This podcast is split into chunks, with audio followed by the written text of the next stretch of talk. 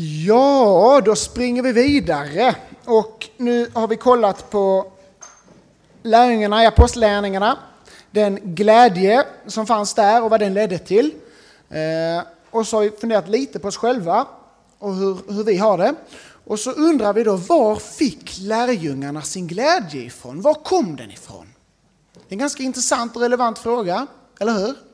Vad var det de hade sett? Vad var det de hade fattat? Vi ska kolla på Petrus och så ska vi spola tillbaks tiden 53 dagar ungefär från det att han håller sin pingstpredikan. 53 dagar innan, var är vi då? Då är vi någonstans eh, på skärtorsdags, eh, natten mellan skärtorsdag och långfredag. Då är han i ett annat läge, då är han i ett till synes hopplöst läge. Kanske så som du också kan känna det. Han trodde på Jesus. Han hade lärt känna Jesus. Han ville följa Jesus. Han ville lyda Jesus. Han ville vara frimodig och han ville vara överlåten. Och där på skärtorsdagskvällen så hade han sagt det så oerhört tydligt till Jesus att mitt liv vill jag ge för dig. Även om alla andra överger dig. Mig kan du räkna med. Så läser vi från natten där från Matteus 25 och 26 och 69 när Jesus har blivit tillfångatagen. Petrus satt ute på gården. En tjänsteflicka kom då fram till honom och sa Du var också tillsammans med Jesus från Galileen. Men han nekade inför alla och sa Ja, jag vet inte vad du menar. När han sedan gick ut i porten fick en annan tjänsteflicka se honom och hon sa till dem, hon sa till dem som var där Den där mannen, han var tillsammans med Jesus från Nasaret. Han nekade igen och svor på det. Jag känner inte den mannen. Strax därefter kom de som stod där fram till Petrus och sa Visst är du också en av dem. Ditt uttal avslöjar. Då började han förbanna och svära. Jag känner inte den mannen. Och strax gol tuppen. Då kom Petrus ihåg det ord som Jesus hade sagt att innan tuppen gal ska du tre gånger förneka mig. Och han gick ut och grät bittert. Han grät bittert. Och det kan man kanske förstå. va? Han har svikit Jesus på det grövsta sättet. Och han inser att nu är det kört. Nu är han utestängd från gemenskapen med Gud. Han som skulle vara en företrädare för Guds rike, han platsar inte längre. Gemenskapen med Jesus var såklart bruten. Han var utestängd. Han inser också att han är på väg mot döden. Dels kanske rent fysiskt för att judarna hade precis dödat Jesus och varför skulle de inte döda honom också? Och, och Judas, hans vän får vi ändå säga, som också hade förnekat Jesus, han hade precis begått självmord. Kanske tänkte Petrus, ja varför inte? Och såklart, i ett evigt perspektiv så var han också på väg mot döden. Han hade liksom brutit, vänt ryggen mot Gud, mot Jesus som skulle rädda från döden på det grövsta sättet. Hur skulle han kunna hoppas på liv efter döden? Så han var utestängd, han var på väg mot döden och han var bunden. Dels av människorädsla och feghet såklart. Han, gjorde, han hade gjort det som han absolut inte ville och han ville absolut inte det han hade gjort. Men han var bunden. Han var så rädd, han klarade inte det. Och såklart var han också bunden av synden, av ondskan, av djävulen. Jesus var ju den som skulle befria, men nu hade han vänt ryggen mot Jesus. Vad finns det då för hopp för honom? Han var utestängd, han var dödsdömd och han var bunden. Och dessutom insåg han att allt var hans eget fel.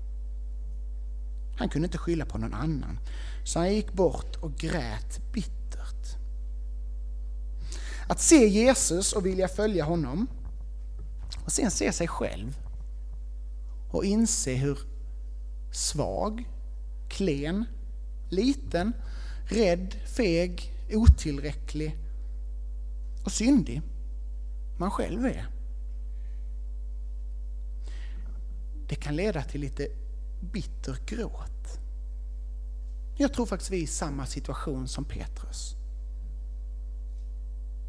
Vi har också förnekat Jesus. Och ibland kanske vi använder Jesusglädje som någon slags smink. Fejkat leende för att oh, det ska, vi ska vara glada, vi behöver inte hänga med. Eh, alltså, så, när vi egentligen är sorgsna över hur, hur jag lyckas, hur jag, eller hur jag misslyckas, så kanske vi lägger på ett leende istället. Men det är dumt. Det är viktigt och bra att se att allt inte är riktigt som det skulle, inte riktigt som det borde i mitt liv. Att också jag har svikit Jesus, att också jag är klen och liten och rädd och syndig. Petrus går bort och gråter bittert och sen dör Jesus och allt är becksvart. Ganska dyster historia. Men jag tror att det finns en poäng med det. Eh, jag tänker att det här dystra, det här jobbiga för Petrus, det är lite som en trampolin. Om ni hoppar av trampolin en gång så vet ni det, att ju hårdare liksom ner man trycks eller man hoppar, desto pling, högre hoppar man sen. Jag tror det är så att ju längre ner vi kanske faller i det här, och hjälp, hur är det ställt här? Desto högre oh, flyger vi kanske upp i Jesusglädje sen. Kan det vara så? För det kommer en, en vändning, det kan jag avslöja redan nu.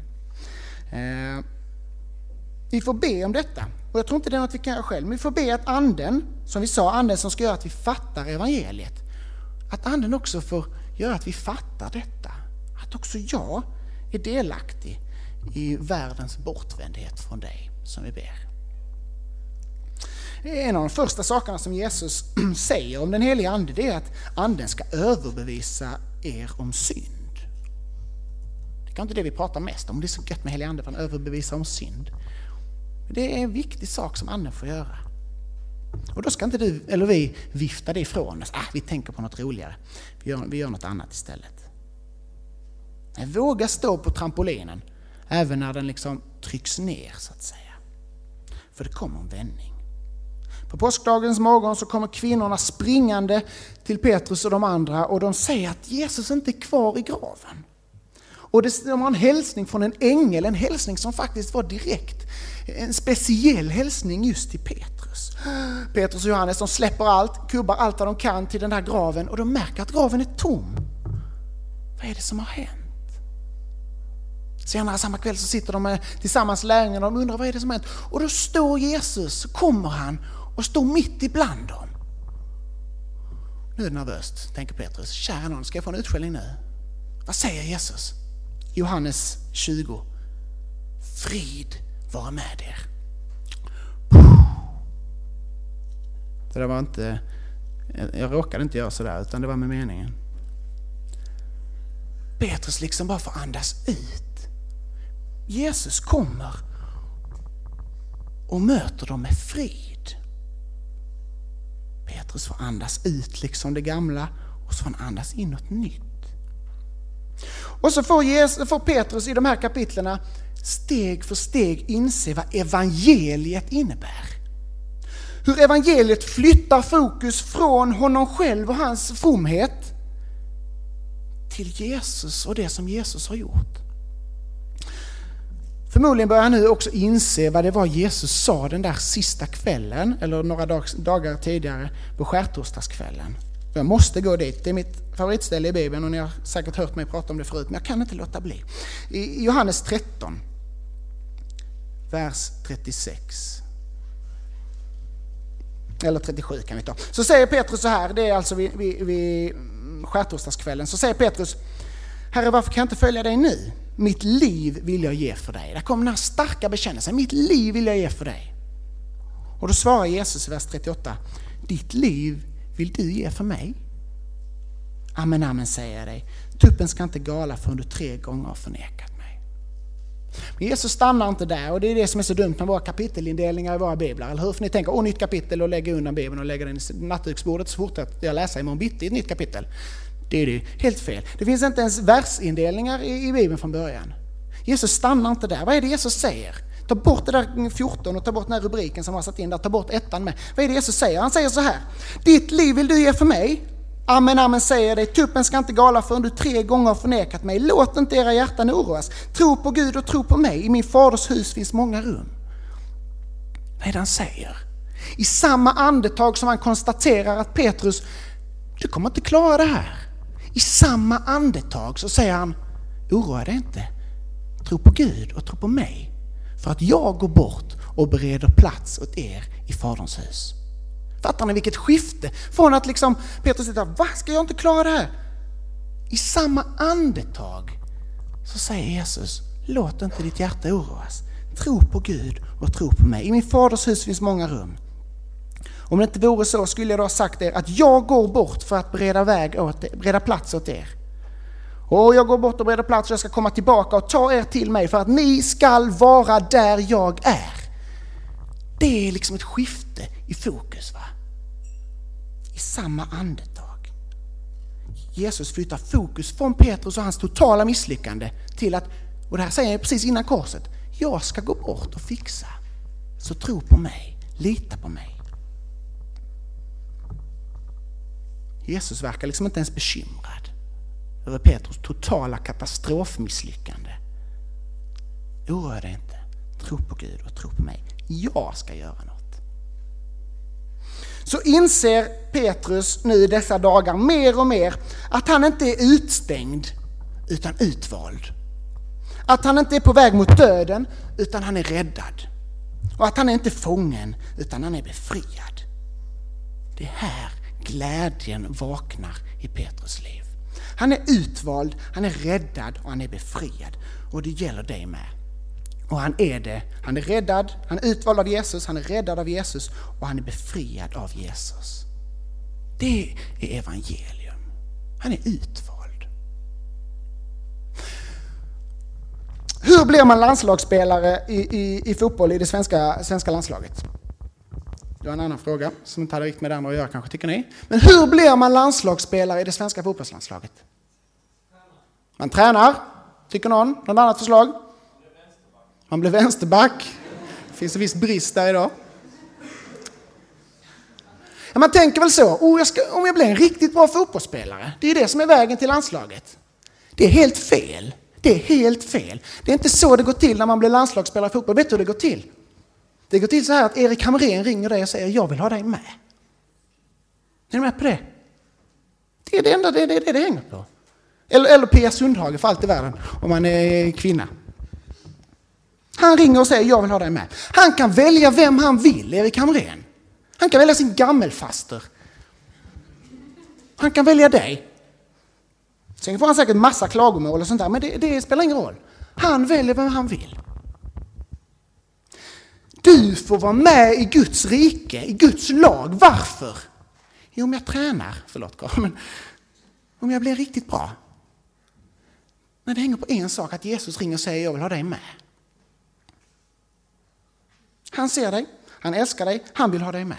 Vi brukar säga så här ibland, och det är helt rätt, att Jesus älskar oss därför att vi är de vi är. Och det är alldeles sant. Man kan också säga så här, det låter lite negativt kanske, men Jesus älskar dig trots att du är som du är. Så kan man också tänka. Så tänkte nog Petrus, fast jag har gjort allt det här så älskar han mig. Och så vill han ha mig med.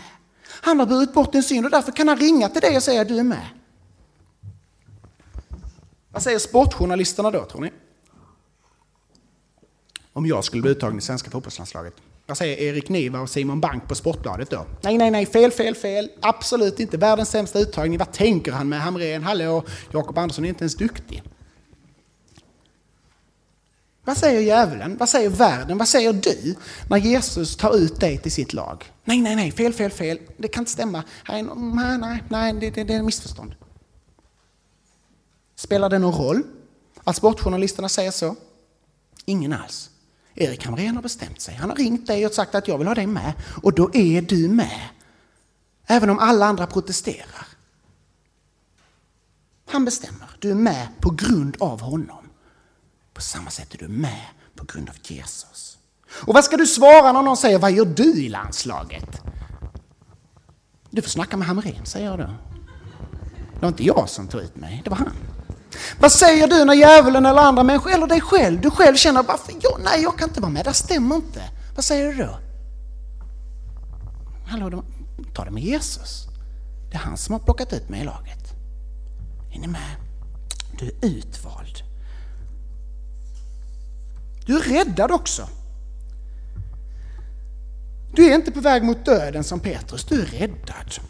Jag såg ett filmklipp i veckan som var alldeles fruktansvärt eh, egentligen. Det var en organisation som heter MOD, MOD. Eh, jag vet inte om ni känner till den. De jobbar för organdonation. Mer organdonation tror jag MOD står för. Och det är så, jag vet inte om ni har koll på läget, men Eh, organdonation är att man säger att någon, någon får mitt, eh, kan få mina organ när jag dör, så kanske det kan rädda någon annan. Och det måste man eh, anmäla att man vill vara och det är väldigt få svenskar som har gjort det. Och det är ett problem. Många är positiva men det är väldigt få som anmäler sig. Och det betyder att i Sverige idag finns det ungefär 800 människor som går runt och väntar på ett organ. Och utan det organet så kommer de inte överleva. Så var det ett filmklipp om tre sådana här personer. Som Mod då spelat in en hejdå-film åt. De gör en film med de här individerna där de säger hejdå till sin familj. Och sen ska den filmen visas när de har dött, om de dör. Så poängen är att vi vill inte att den här filmen ska behöva visas, för vi vill ha in fler organ. Eller fler, att fler, fler säger att de är beredda att ge sina organ. Och det här klippet är så, alltså det var ju alldeles fruktansvärt. De här människorna är så, oh, jag går varje dag och bara tittar på min telefon och väntar på att någon ska ringa och säga nu är det klart. För varje dag som går så kommer jag närmare döden fruktansvärd situation. Bara gå och väntar på att ett samtal ska komma. Organet finns, jag får liv. Annars kommer de dö. Som sagt 800 pers i Sverige, men man räknar med att ungefär 30 av de här dör varje år. För att det inte finns några organ. Sån fruktansvärd kamp de har. Och på ett sätt är det den situationen som Petrus också befinner sig i. Och du och jag, vi är på väg mot döden. Men så ringer telefonen och så säger någon jag har fixat ditt organ. Jag har fixat det du behöver. Och så vänds hela livet upp och ner, för nu går jag inte på väg mot döden längre. Nu är det livet jag är på väg mot. Fantastiskt. Någon annan har fixat det som du behöver för att du ska överleva. Det där hjärtat som håller på att säcka ihop och kan stanna när som helst. Nu ringer någon annan och säger, här har vi det. Nu löser vi det. Nu kan du leva i 70 år till istället för kanske 3-4 veckor när, när det gäller organdonation så är det ju dessutom så att det, det är ju för de flesta organen, man kan eh, donera en, en mjälte eller något när man är vid livet. Men, eh, men de flesta organen gör man ju när man har dött. Så det är när folk har dött som man kan få organ. Vad gör Jesus? Han dör själv för att du ska få det organet. Han går i döden för att rädda ditt liv. Det är inte liksom, ja men nu när han ändå har dött så kan det... Han gör det för att du ska få liv. Fantastiskt. Vi är räddade på grund av honom. Har ni läst John Ortbergs bok eh, Kärleken jag längtar efter? Det finns en fantastisk bild. En, eh, en liten kille på åtta år som har en syster som har leukemi, en lilla syster som är på väg mot döden, blodsjukdom. Eh, och hon är på väg att, eh, att dö, eller hon behöver byta ut hennes blod. Och så inser föräldrarna, inser man då att man kan ta prover, eller de frågar först hans brorsan då, åttaåringen, kan vi få kolla ditt prov? Kan vi ta ett blodprov och se om, om ditt blod kan vara det som kan rädda? Liksom? Ja, det kan ni få göra, säger pojken. Så, så tar de blodprovet och de märker att det är rätt blod. Det är det blodet som hon behöver för att vi ska kunna rädda livet på din syster. Och då ställer man frågan till honom, kan vi få ta blod från dig för att på så sätt kunna rädda din systers liv? Ja, säger pojken, jag ska fundera på det. Jag ska sova på saken. Morgonen efter så kommer han med beskedet, jo det är okej, okay. ni kan få ta mitt blod. Så lägger man in på sjukhuset och så ligger de där bredvid varandra och så kopplar man in de här slangarna för att föra över blodet. Och så säger den här åttaåriga killen till doktorn, hur lång tid tar det innan jag börjar dö? Hur lång tid tar det innan jag börjar dö? Han hade liksom inte fattat att de inte skulle ta allt hans blod. Han trodde att han skulle dö istället. Jag ska sova på saken. Ah. Han var beredd att dö för sin lilla systers skull. Det är fantastiskt. Och nu inte för att förminska det han gjorde, men det var en söt lilla syster som han, ville, som han älskade. Jesus dör för den mänskligheten som har vänt honom ryggen, som spottar på honom, som hånar honom.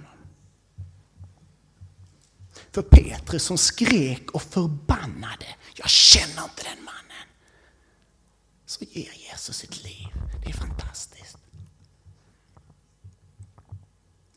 Du är räddad därför att på grund av honom, på grund av något som han har gjort. Du är utvald, du är räddad och du är befriad för det tredje. Du är inte fången och bunden längre.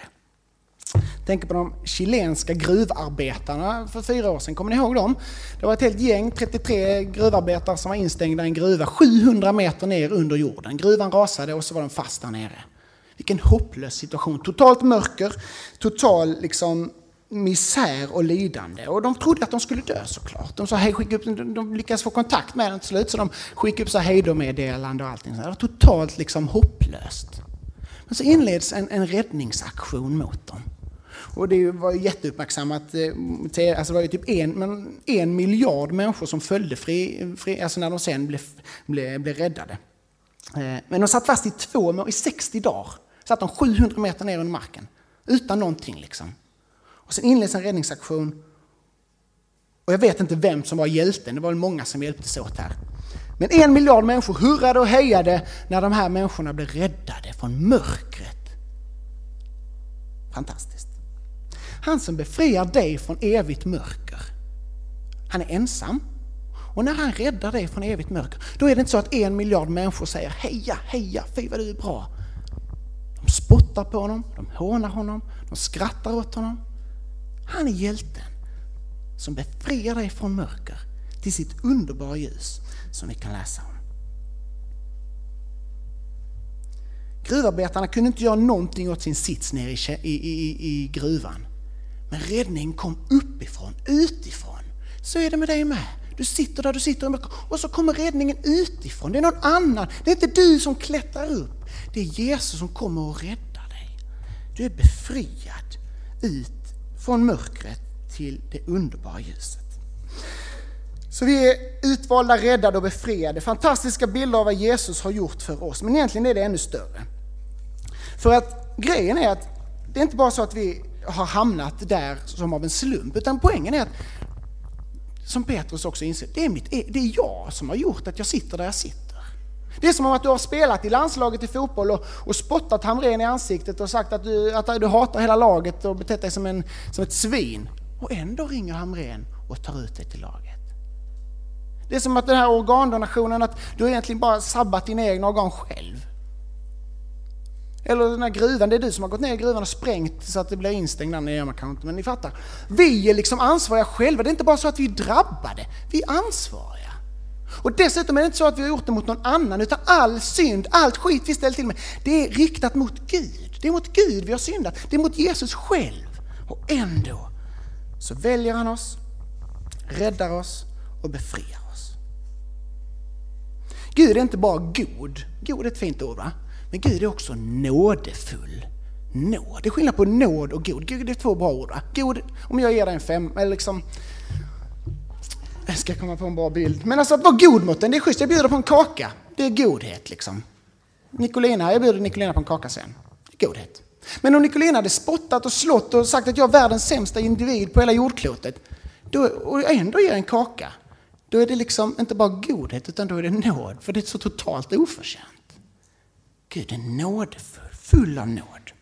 Och detta är liksom evangeliet. Att, är ni med på detta? Att fokus flyttas från dig till Jesus. Det är inte du som klättrar upp på gruvan, det är inte du som hittar ett organ någonstans som du plockar in i din kropp. Det är inte du som ringde till Hamrén och sa men nu ska jag spela, nu spelar jag så bra så jag ska vara med. Det är någon annan. Fokus flyttas från dig och vad det du har gjort till Jesus och det han har gjort. Det är därför det kallas det glada budskapet. Att vara kristen är inte på grund av ett val som du har gjort, det är på grund av ett val som han har gjort. Jesus. Luther, den gamle Luther, han brottades med det här. Han, han, tänkte först att, att livet med Gud, hans relation med Gud, den som blir till frälsning och räddning och evigt liv, det var ungefär som en kedja. Ni vet en kedja? Och så var liksom han en länk i den här kedjan och Gud var en länk. Och så tänkte han, ah, men Gud, det är den kedjan som liksom bär mig. Men så insåg han, nej vänta nu. Hur är det nu med kedjan. En kedja är inte starkare än den svagaste länk. Va? Och den svagaste länken i det här sammanhanget, jag och Gud, det är ju jag. Det här kommer inte funka. Det fanns ingen frid, ingen trygghet, ingen glädje alls. Och så är det inte.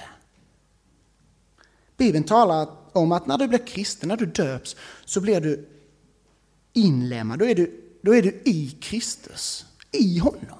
Det är inte du och honom, han som liksom tillsammans ska... Du är i honom, innesluten i honom. Det är, det är som att gå ombord på ett flygplan. Är det någon som har flugit flygplan någon gång? Bra. Då går man in i flygplanet och så sitter man där och så tar flygplanen dig någonstans. Är ni med på det? Och när du går ombord så kvittar det hur mycket, du, eh, liksom, hur mycket du litar på flygplanets flygförmåga. Det enda som spelar roll är att du är ombord. Och är du döpt och tror så är du ombord på Jesusflygplanet. Hur stark tro du har, det spelar ingen roll alls. Om du sitter där på flygplanet så kanske det känns jätteläskigt. Du kanske tvivlar på om det funkar. Du kanske kan fundera på hur det funkar. Det spelar ingen roll alls. Det enda som spelar roll är om flygplanet funkar. Är ni med?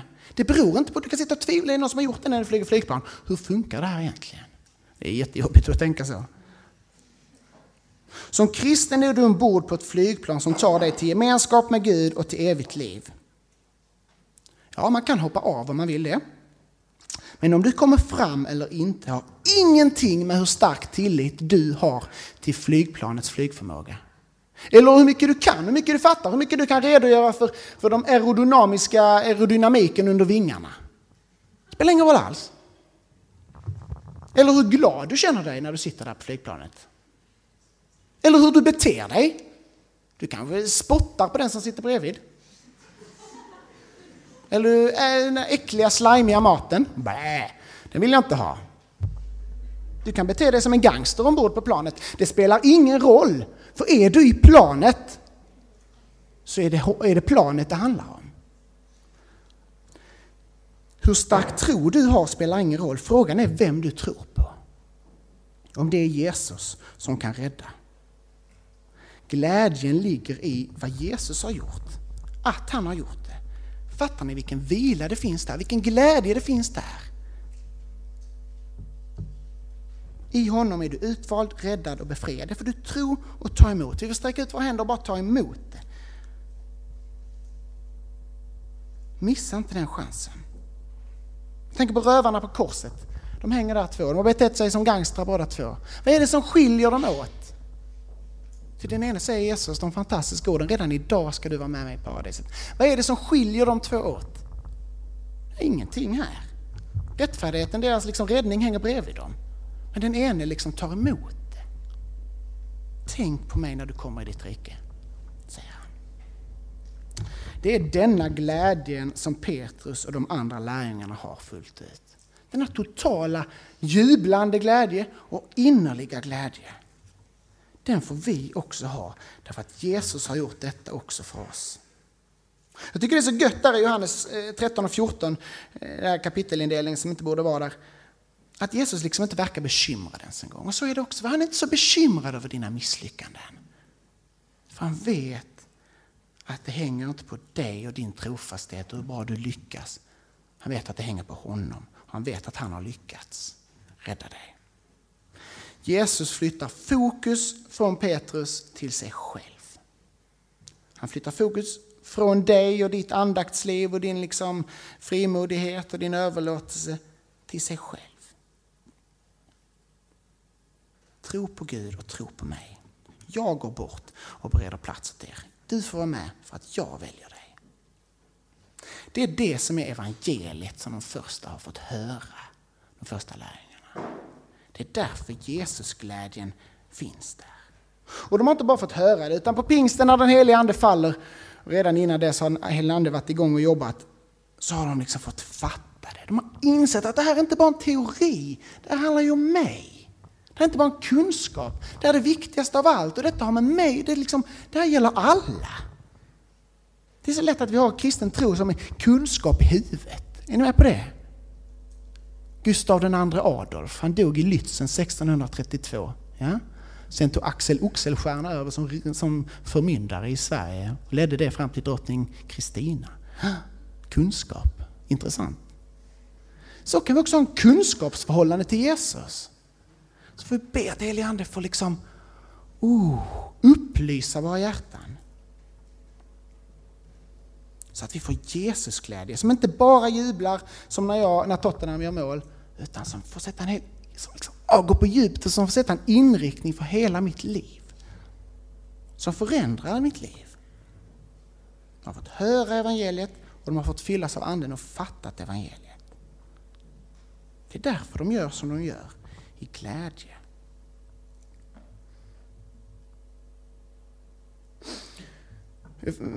Paulus har en bra bön, vi är snart färdiga här. Paulus har en bra bön i Efesierbrevet 1. Där han, under hela kapitel 1 har han pratat om allt vi har i Jesus, ungefär det jag har gjort här idag, eller nu. Vi, har, blivit utvalda, han har räddat oss, vi har ett arv i honom, vi har något fantastiskt att vänta. Det håller han på med i kapitel 1 i Efesierbrevet. Och så kommer han fram till vers, 14, vers, vers 17. Så ber han, jag ber att vår Herre Jesu Kristi Gud, det här är en bön som ni skulle kunna skriva upp och sätta någonstans där hemma.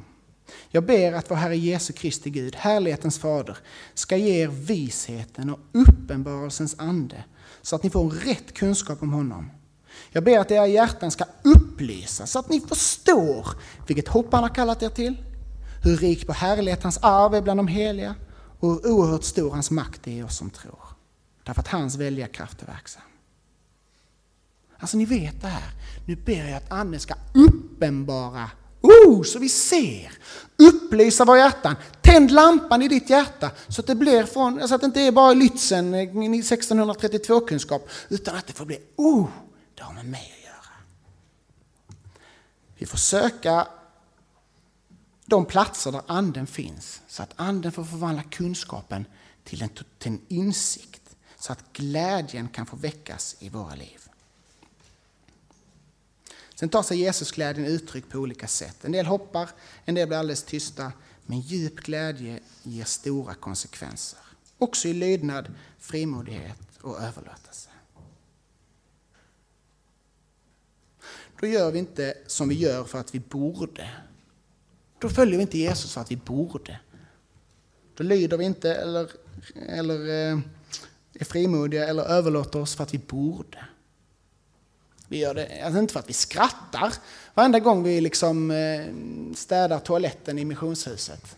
Eller eh, skänker pengar till mission eller engagerar oss i kyrkan.